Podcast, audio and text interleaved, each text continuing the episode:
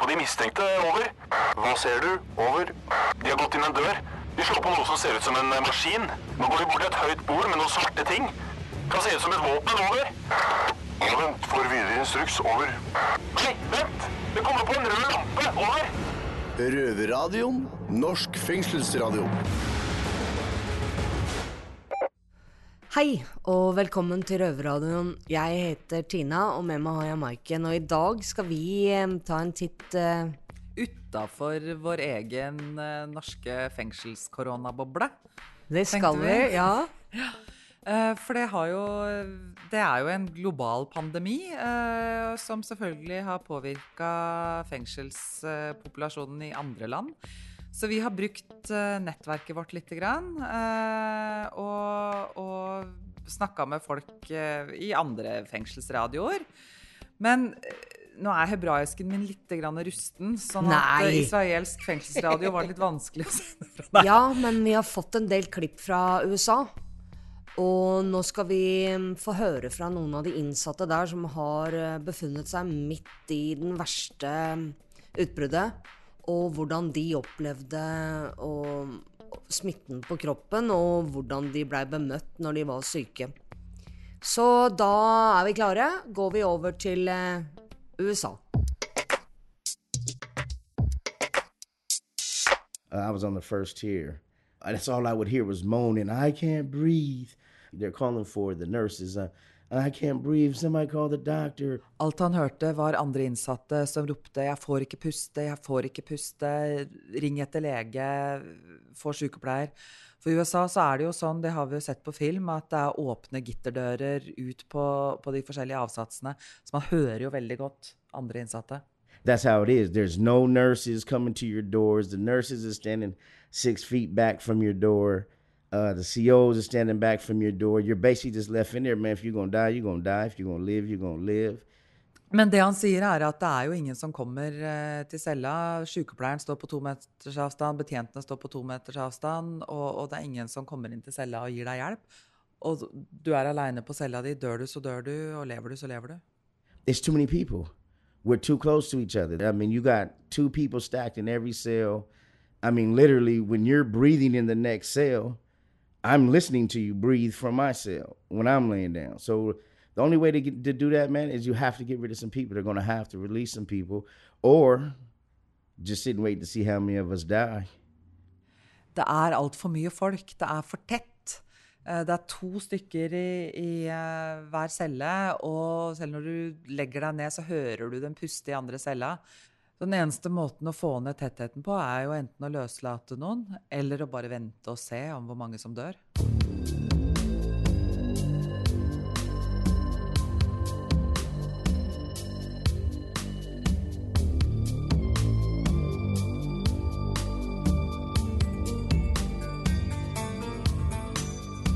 Ja, det vi hørte her, det var Cæsar McDowell som um, prata for um, Air Hustle, den amerikanske fengselsradioen eh, i San Quentin-fengselet i California. Og Det er ganske mørke saker. det er ingen tvil om det. det Håra bud, det gjør, eh, gjør at uh, man kan kjenne takknemlighet for at når man først sitter i fengsel, at man sitter fengsla i Norge, i alle fall, og ikke i USA. Fordi forskjell, ja. at eh, ja, de tallene fra USA er jo særdeles nedslående. Nå har jo vi tatt på oss lesebrillene her øh, og skal sjekke litt grann hvordan Ja. USA står seg i forhold til smitte og dødsfall. Ja, for jeg sitter her med en eh, artikkel her um, som jeg ikke har Det er jo selvfølgelig Vi har jo ikke noe utenlandske aviser og sånn, så dette er selvfølgelig bare et utprint. Men eh, her står det altså at eh, på verdensbasis så er eh, Og ikke bare smitten, da, men infection rates, coronavirus infection rates, er eh, 2 worldwide i snitt. Altså to av 100. I USA så er det 9 av 100 som er smitta. Det har vi jo fått med oss i nyhetene at det har vært mye smitte i USA. Men da i amerikanske fengsler så er smitteraten 34 av 100, altså 34 eh, Og det er jo også på en måte Helt sanseløst. Helt Ja, det er helt sanseløst. vanvittig mye. Men det er også i snitt. fordi at, eh, som vi hørte her også, så er det jo noen fengsler så har jo over halvparten vært syke.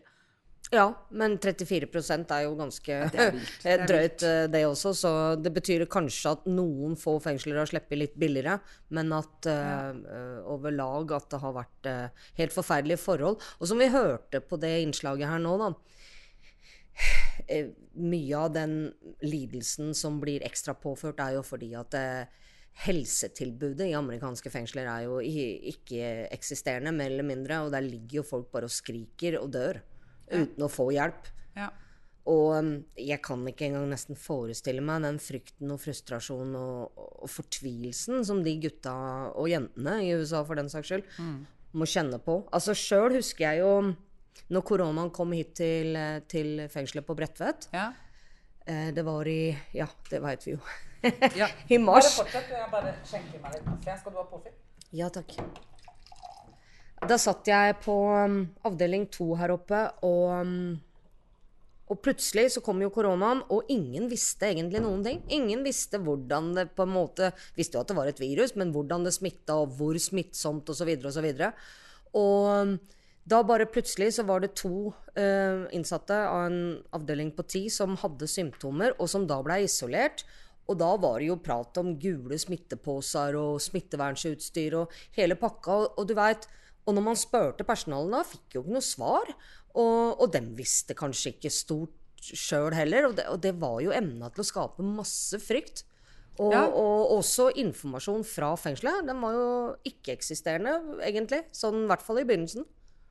Ja, og Så- da fikk man kanskje bare vite på en måte hva man skal gjøre, og ikke hvorfor. eh, og ikke knapt hvordan- vite hva man skal gjøre, eller vask fingra og holde avstand. Men altså, som sagt, selv om vi er i norske fengsler, å holde avstand er jo fryktelig vanskelig. Ja, nei, men også sånn når dere bare ble sendt opp og, og, og låst inn på cella, og uten å vite hvor lenge blir dere sittende der, og Ja, ja, det var et lenge- annet tilfelle, da. Men, eh, men ja, absolutt. Hva var det som eh, skjedde da? Nei, det som skjedde var at jeg var på jobb og nede på kjøkkenet, og plutselig så kommer det Og da var vi inne i en mindre smittsom, eller ganske begynnelsen, kanskje, jeg husker ikke helt. I hvert fall, det var ikke påbudt med masker og sånne ting Nei. på det tidspunktet. Og, og plutselig så står det full drakt eh, menneske der og sier at eh, dere må bare slippe dere rare i bli med opp på avdelingen, alle blir låst inn på hvert sitt rom. Og vi kommer og tar prøver av dere. Og, og ikke noe annen informasjon. Og da fikk dere ikke vite hvorfor det skulle skje? At eh, om det var Nei. funnet smitte på fengselet? Nei, vi fikk ikke vite noe om grunnen, nei. Men man skjønte jo at det, det hadde med korona å gjøre. Men jo, Jo, jo, men men det er jo forskjell på å skjønne at det har med korona å gjøre, og vite er det nå Ja, det er Er det smitte, eller er det fare for smitte, eller er det på en måte utbrudd på fengselet, vet man noen ting?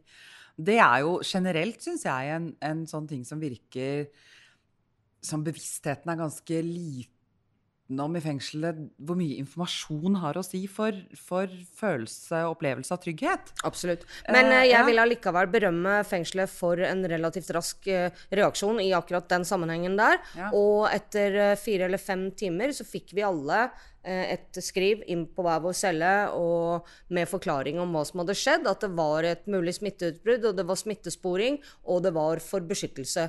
Og, og det syns jeg Altså, det ga meg en viss trygghetsfølelse at uansett fengselet reagerte såpass raskt i en mulig truende situasjon. Nå viste det seg at den positive prøven de trodde å ha oppdaga, var en negativ. Det var en falsk positiv. Ja, ja. Men allikevel, sånn jeg, jeg, jeg må si at eh, jeg syns det var ganske bra håndtert allikevel, da, til tross for at det var noen timer der med full forvirring og, og engstelse. Så, Ja, altså sånn at i etterkant så, så ga det deg en trygghet å vite Absolutt. at de hadde faktisk eh, på en måte, Altså de, de kunne reagere ja, de tok liksom. ansvar, At ikke sant? Hadde den vist seg å være positiv, så hadde de tatt ansvar, og da hadde de ikke sant, Istedenfor å som mulig. Mm. det rundt og se an og sånn. Absolutt. Ja.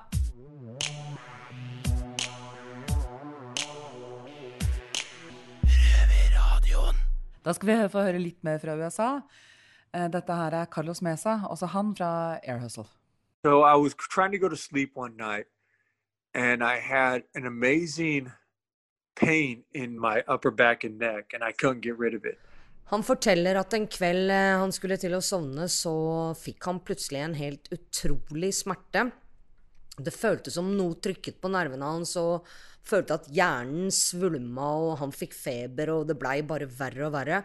It was like um, somebody was pushing on my nerves. And then I caught a fever it felt like my brain had swelled and I had this pressure in my head that I could not relax. And it was like my blood pressure went up drastically.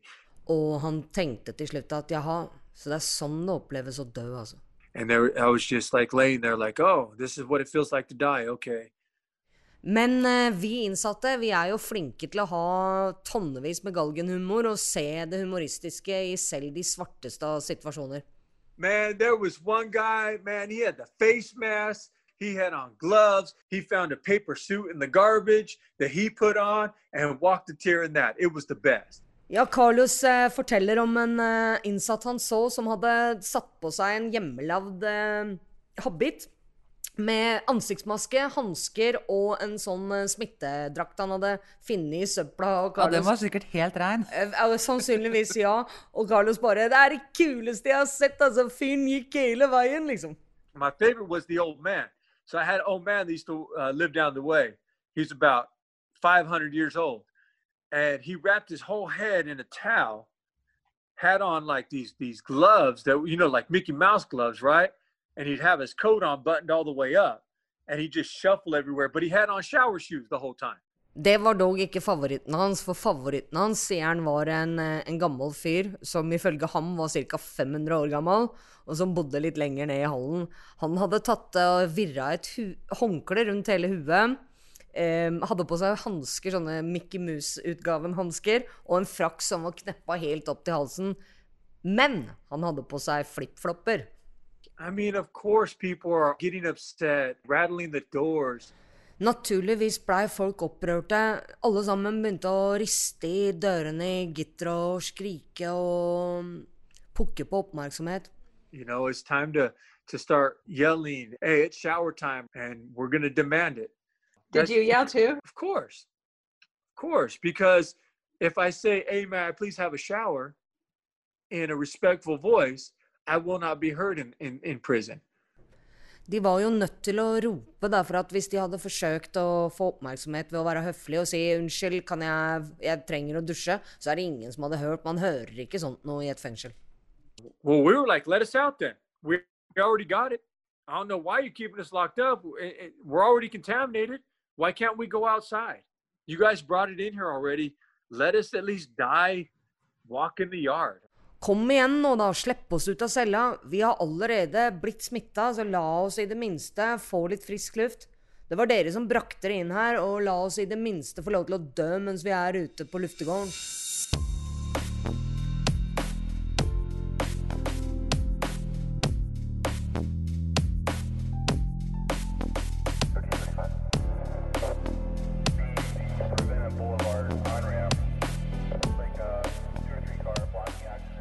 Nei, det er ganske heavy greier de snakker om. Jeg kjenner at jeg blir ganske glad for at det er i Norge jeg soner, og ikke i USA.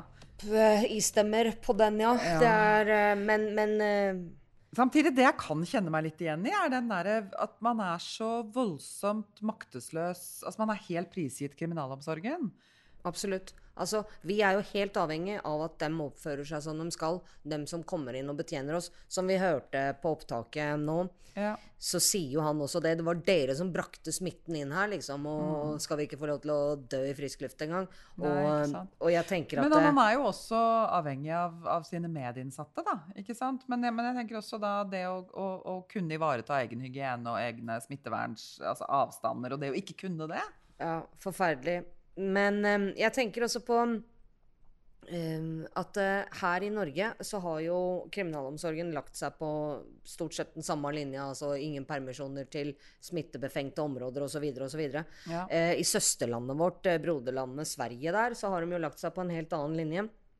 Der har de sagt som så at dem som allerede har vært smitta, eh, dem anses som immune eh, et halvt år fram i tid. Sånn at da får dem lov til å få besøk og gå på permisjoner. Noe resten av fangebefolkninga ikke får.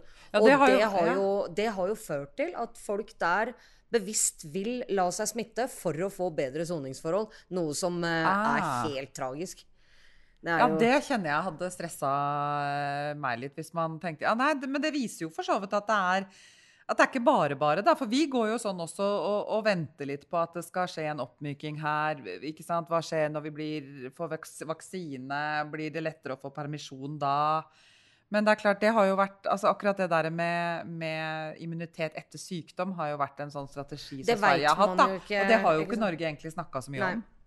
Så, men, men uansett, jeg tenker at jeg hadde ikke blitt smitta uansett. Men eh, ja. Det, det, Ja. det får jo hva være tenker Svenskene om- får stå for ja, det Hva tenker du om, om det med vaksine i fengsel? Det er jo noen her inne som ikke For vi har jo blitt spurt, vi har ikke fått vaksine ennå, men vi har blitt spurt om vi vil Nei, jeg ta tenker at eh, jeg har, har egentlig ikke lyst på vaksine, men i den grad jeg ser hvor begrensa livet mitt har vært eh, det siste året, så tenker jeg at jeg må ta den vaksina hvis jeg noen gang har lyst til å prøve å få tilbake litt normalitet i, i verden min. Men hvordan tenker du da med å sone sammen med folk som ikke har tatt vaksine? Nei, men altså det Jeg har ikke egentlig Jeg holder så lang avstand til folk som overhodet mulig brorparten av tida. Jeg utgår ifra at de fleste er mulige smittebærere.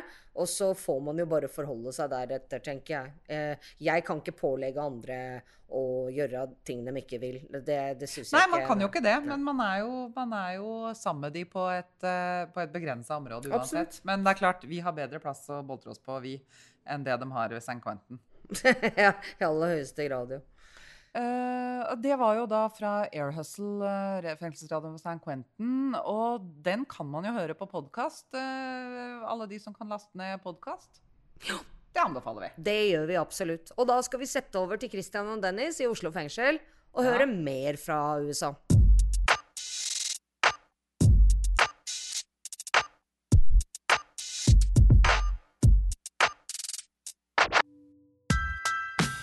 Hey, this is Chanton Bun. I used to be one of the guys that made Uncuff inside San Quentin State Prison. I dag eh, skal vi høre fra en som heter Shanton Bunn, som sonet 23 år i St. Quentin-fengselet i California, USA. Der jobbet han i en fengselsradio, samme som her i Røverradioen, eh, i et program som heter Uncuffed. Og vi skal høre et intervju radioprodusenten til Uncuffed gjorde med ham dagen etter han slapp ut på prøveløslatelse. I got paroled July 1st after spending 23 years in prison. I thought I was heading to ICE detention because I'm a refugee from Cambodia. I St. Quentin var det et kjempestort utbrudd hvor over 60 fikk påvist koronasmitte. Det vil si over 2000 stykker fikk eh, koronavirus av 3500 innsatte. How much information did CDCR give you about COVID? Like what it is, how it's transmitted, like how how did Hun you spør da hva helsemyndighetene, som i USA da heter CDC, ga opplysninger om hva covid var, og hvordan det smittet, og hvordan man skulle forholde seg til pandemien. they had these videos uh, encouraging us to, you know, stay socially distant and all that. And everybody's like, why do they keep on saying that when they know we can't social distance ourselves? Every cell in San Quentin is about five by ten. I mean, I'm a small guy, and, and I don't I don't have room in there to even like turn around. Han svarer at de først fikk en video som ba de om å holde avstand. Alle cellene der er så små at det er vanskelig å snu seg inne på cella. So April comes, we get a bottle of hand sanitizer, and they gave us uh, two masks that they made, and they gave us a bar of soap once a week. They didn't give none nothing extra to clean up or nothing. Han forteller også at de fikk to munnbind og ett såpestykke i uka.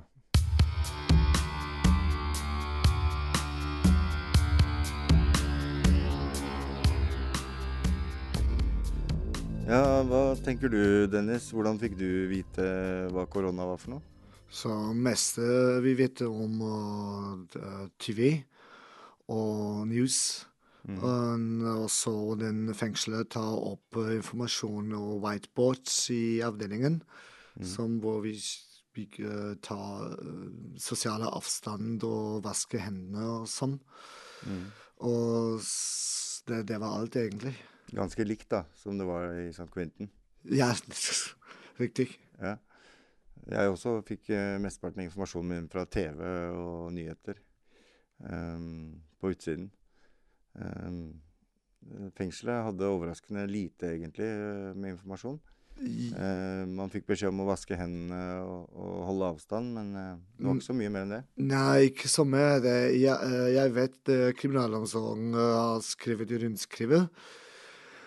Men uh, sometimes det, Vi fikk den på whiteboard, men det var ikke så, så mye informasjon i der. Mm.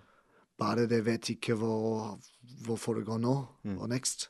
Jeg husker eh, når koronaen først kom eh, i fengselet, eh, så ville vi bruke munnbind og sånne ting. Og fengselet sa det var bare tull med munnbind og Ja, det- det sa det tull. Ja. Eh, Vi fikk faktisk eh, rapport hvis vi tok med munnbind ute blant folk i fellesskapet.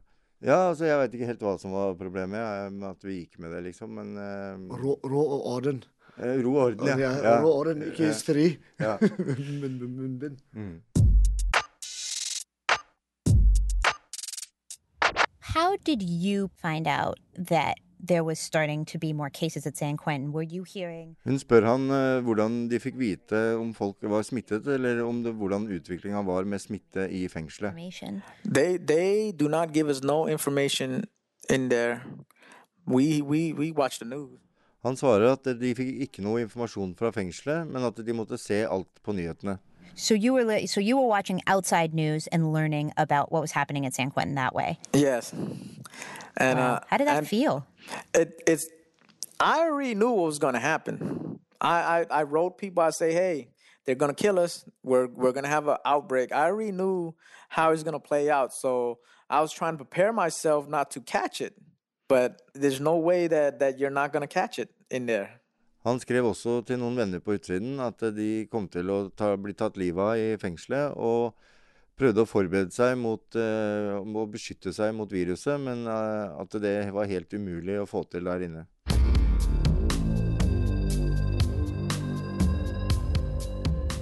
Eh, norske fengsler eh, har jo sluppet ganske billig unna i forhold til eh, andre land eh, og fengslene der. Eh, men det har jo også vært utbrudd eh, her i Norge.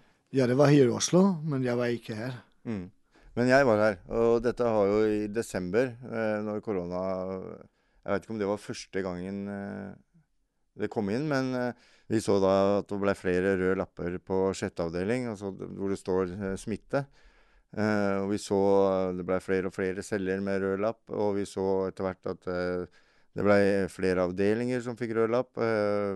Men vi fikk jo ikke vite eksakt hva det var, at det var koronavirus. Men vi, vi skjønte jo det sjøl, og vi, vi snakker jo med hverandre via vindu. og man får liksom litt informasjon der om uh, hva som feiler folk, og hva som er gærent, da. Um, du satt på Eidsberg, Dennis. Ja, riktig. Det, Hvordan var det der? ja, alt var stengt. Uh, så gymsalen var stengt for over et år. Mm. Og så skolene kan ikke komme all, alltid, så det var stengt, og det var ikke stengt. og mange andre aktiviteter, som også Røverradioen, det kan ikke komme og få ta sendingen. Mm, veldig strengt. Veldig strengt. ja, Mm. Så det er derfor jeg kjøpte PlayStation for avdelingen. Ja. I fellesarealet, eller? Ja, riktig. Ja. Så man kunne sitte da flere der og spille, da? Ja, du kan, øh, du kan øh, ta time, to, to timer i uke, men øh, fellesskapet var mer åpne. Mm.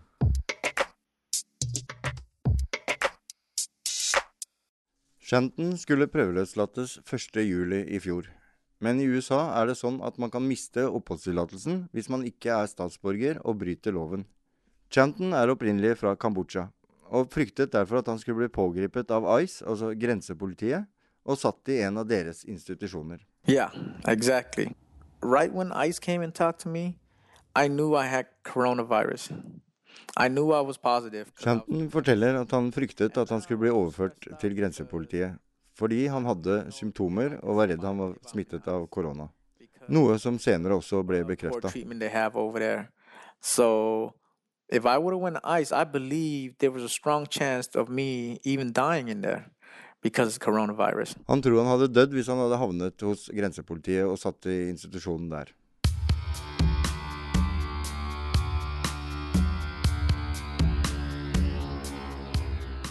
Har du hatt eh, korona? Nei, jeg hadde ikke korona. Har du korona? Nei, jeg har heller ikke hatt det. Du, var du på karantene? Jeg har vært i karantene. Hvor lange? lenge? eh, jeg var der i elleve dager. Ehm, og det jeg blei litt bekymra da, eh, fordi man ikke veit hva som skjer. Man får bare beskjed om å pakke med minst mulig, og man blir da flytta til en annen avdeling, satt i karantene. Men hvorfor var du på karantene? Hva tenkte betjentene? Eh, fordi jeg hadde vært eh, i nærheten av en som hadde fått påvist korona. Ah, seriøst. Så da ble vi, jeg og en til satt i sjette avdeling, og døra blir låst bak deg, og så hører du ikke noe mer egentlig, annet enn at folk kommer og snakker med deg med beskyttelseutstyr, beskyttelsesutstyr, og, og man lurer jo på hva som skjer, da. Eh, Jeg måtte jo liksom le litt òg, fordi Du var komplett isolert, ikke ja, ja, ja.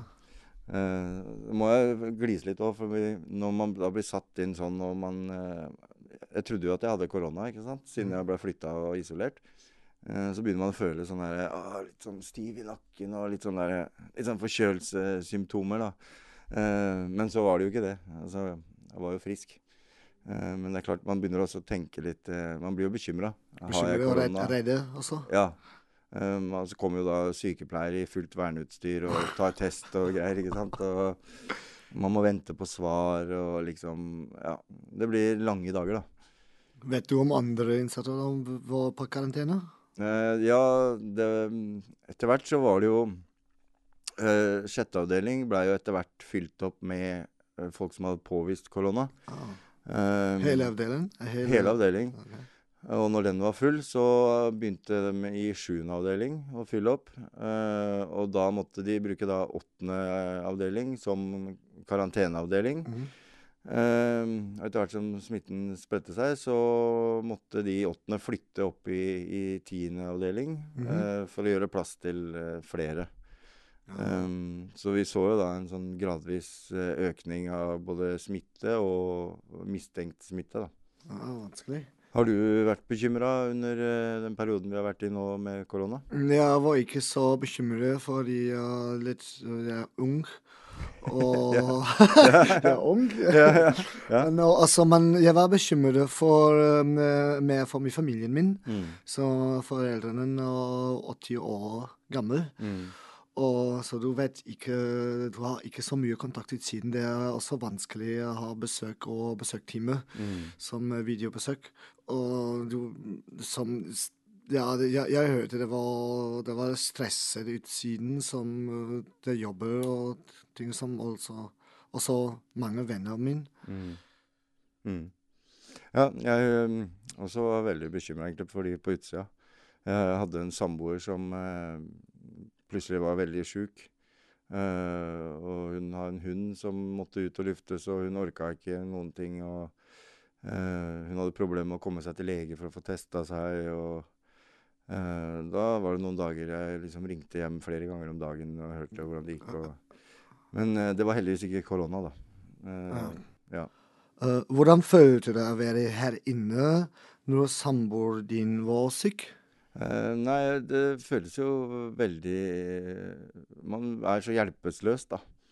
Eh, men eh, hva får man gjort? Man får ikke gjort noen ting annet enn å så ringe de og sjekke at alt er bra. og Man prøver å tenke da hva man kan gjøre, liksom, men det er jo egentlig ikke noe spesielt man kan gjøre. enn kan gjøre ingenting, ja. Nei. Men kanskje ringe, ringe noen bekjente da, og kanskje høre om de kan handle inn mat og sånne ting. da. Det er liksom det eneste du får gjort. Eh, ja. Om du som hører på vil høre hele intervjuet av Shanton, kan du sjekke ut podkasten til vår søsterredaksjon Uncuffed, som sender fra St. Quentin i USA. Det er absolutt noe å sjekke ut.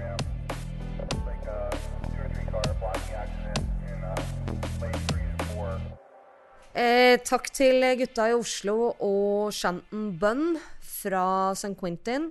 Og nå skal vi Før jeg kom til Bredtvet, så satt jeg jo mange år i fengsel i Sverige. Og det blir derfor spennende å høre hvordan det har gått der. Og vi skal nå høre fra en fengselsleder ved en anstalt i Sverige. Vår nærmeste nabo Sverige ligner jo på oss på veldig mange måter. Men koronasituasjonen har vært veldig annerledes, for å si det mildt. Har det vært sånn i fengsel også? Det er den utslupne røver Simen her, og jeg er så heldig at jeg har fått med meg Fredrik Thunberg, kriminalvårdsjef i Region Stockholm, på ligg fra fengselet der borte. Velkommen. Takk, Simen. Hvordan har covid påvirket kriminalvården? Ja, det, det, det har vært en jättestor påverkan på alle intagna og all personal og på hele virksomheten. Hvordan har dere håndtert situasjonen sånn i forhold til å sette inn tiltak? og jag, jag är ju anstaltschef på to anstalter i Stockholm och eh, framförallt en av dem som heter anstalten Österåker. En sluten anstalt. Där fick vi ju in smittan redan tidigt under våren förra året. Och eh, det blev ju väldigt stor oro både bland personalen och de som är intagna. Så att vi eh, vi fick ju liksom en enda fokus då, det var ju att minska smittspridningen och minska risken för att folk skulle råka illa ut. Då. Eh, så, att, så att det var en rad åtgärder som vi tog på en gång när vi hade den här situationen. Vi visste ju inte riktigt vad som var bäst att göra och hur vi skulle liksom skydda våra intagna och personalen. Er det mange innsatte som har blitt smittet, både kanskje hos dere, men du vet kanskje litt om hvordan det er ellers i Sverige også? Ja, vi har jo et det er svårt å bedømme hvor mange det har vært, for vi begynte jo ikke å testa i begynnelsen. Så att hela våren där så vet vi ju egentligen inte hur många som har varit sjuka. Eh, vi har ju testat i efterhand och hittar ju många som har antikroppar och sådär. Men idag kan man väl säga att vi har ungefär 700 positiva prov i kriminalvården i Sverige. Men sen är ju siffran på hur många som har haft korona, corona, de, den är ju högre. Eh, så att, men sen hur hög den är, det vet vi inte. Men vi har ju haft smitta på mange anstalter. I Norge så har jo fengslene, i hvert fall særlig i fjor vår, da, stengt ned både for besøk utenfra, men også begrensa liksom, samsitting og, og, kontakten de innsatte seg imellom. Har eh, koronasituasjonen ført til mer isolasjon av innsatte også i Sverige? Ja, det har det. Og det har jo vært en sån här som vi har fått gjøre mellom just det, det viktigste, minske smittspridningen og sen de intagna situation har ju påverkats jättemycket. Vi, vi började ju naturligtvis med å att stoppa liksom besök eh, och permissioner för att inte få in smitta. Eh, och sen har det ju varit väldigt ingripande för många så att så fort du har haft symptom av något slag, det kan vara en lättare förkylning eller, eller vilket som helst, så har vi ju placerat folk i isolering. Så man har sittet veldig mange timer på cella och inte fått ja. Man har fått en timme lufting, eller? Ja, det är ju alltid. Ja. Minst, en, minst en timme. Det har vi alltid igång. Men, men då har du fått vara mycket ensam i din cell helt enkelt. Och, eh, sen så, nu har vi ju mycket bättre tester idag, så att idag blir ju avskildheten mycket kortare när vi har möjlighet att snabbtesta. Då. Vi har lest i Tidsskrift for kriminalvård at noen innsatte smitta seg selv med vilje for å få gå på perm. Stemmer det, og har det vært et problem? Det vet jeg ikke om det stemmer. Jeg har ikke sett den artikeln selv, men, men jeg kan jo si at det er vel som i samhället i stort, at, at det skiljer seg på hvordan man forholder seg til smittspridningsrisk. Så min bild er jo at de våra intagna har visat väldigt stor förståelse för de här åtgärderna och den här risken. Eh, men sen bor man ju, som, som hos mig, då, upp till 20 intagna på samma avdelning.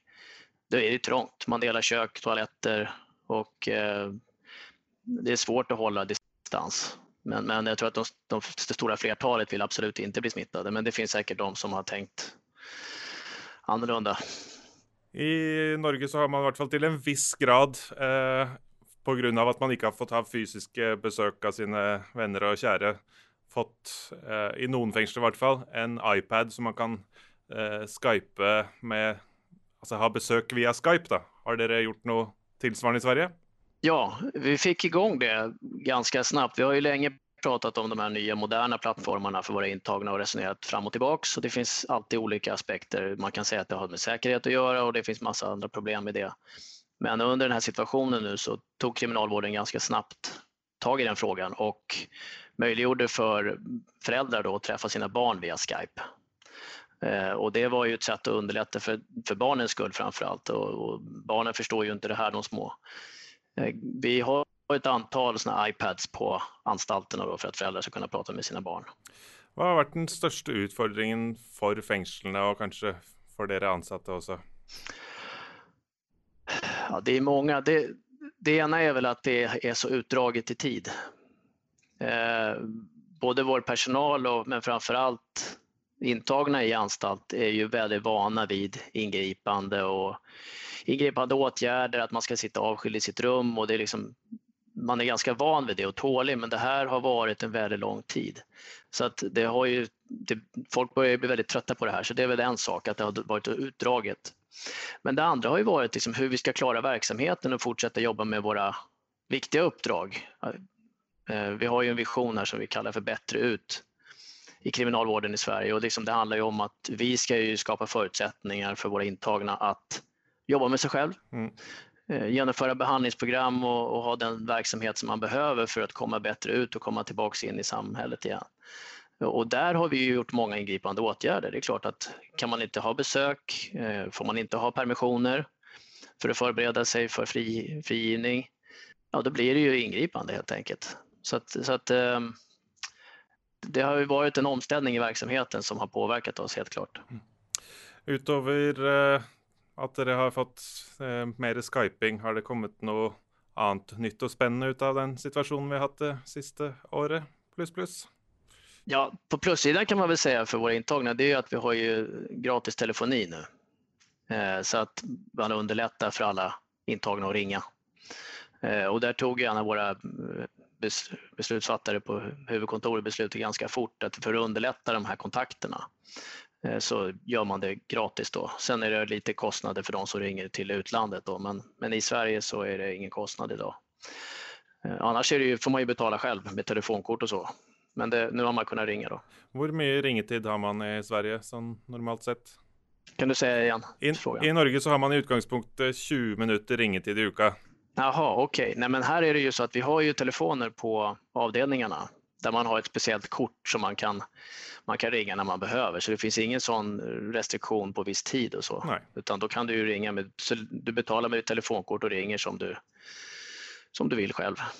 Tusen tack till dig, kriminalvårdschef i Region Stockholm, Fredrik Thunberg, och lycka till vidare. Tack så mycket Simen.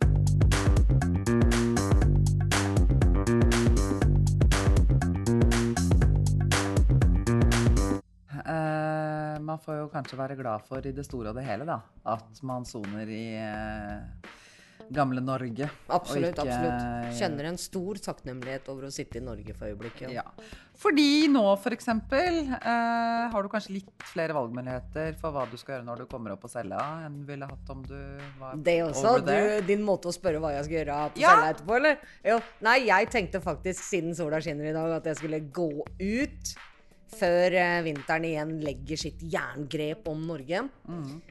Du ja. da? Hva skal du på cella, Maiken? Ja, ikke sant. Det er jo det. Jeg kommer nok også til å benytte anledningen til å gå ut uh, mens det er varmt og sol, uh, og kjenne litt på det. Og så, etter at vi kommer inn, så kan det jo hende at jeg rett og slett setter meg litt i vinduskarmen. Uh, for det er jo mm. sånn på den cella jeg har nå, at det er ikke gitter foran vinduene, og jeg kan åpne vinduet. Men du soner jo ikke i hele tatt. Hva er dette for noe tull? Feriekoloni, altså. Men, Alle måltider servert. Da er røverradioen over for denne gang. Men uh, vi kan høres igjen neste uke på NRK P2 klokken 20.30. Eller Eller på podkast uh, hvor som helst og når som helst. Hvis du ikke sitter i fengsel, naturligvis. Adios! Det har vært stille fra over en time. Hva skjer? Over. Det er bare et radioprogram. Det er lettere å høre på dem der. Over. Ja, vet du når det går, da? Over. Det er samme tid og samme sted neste uke. Over.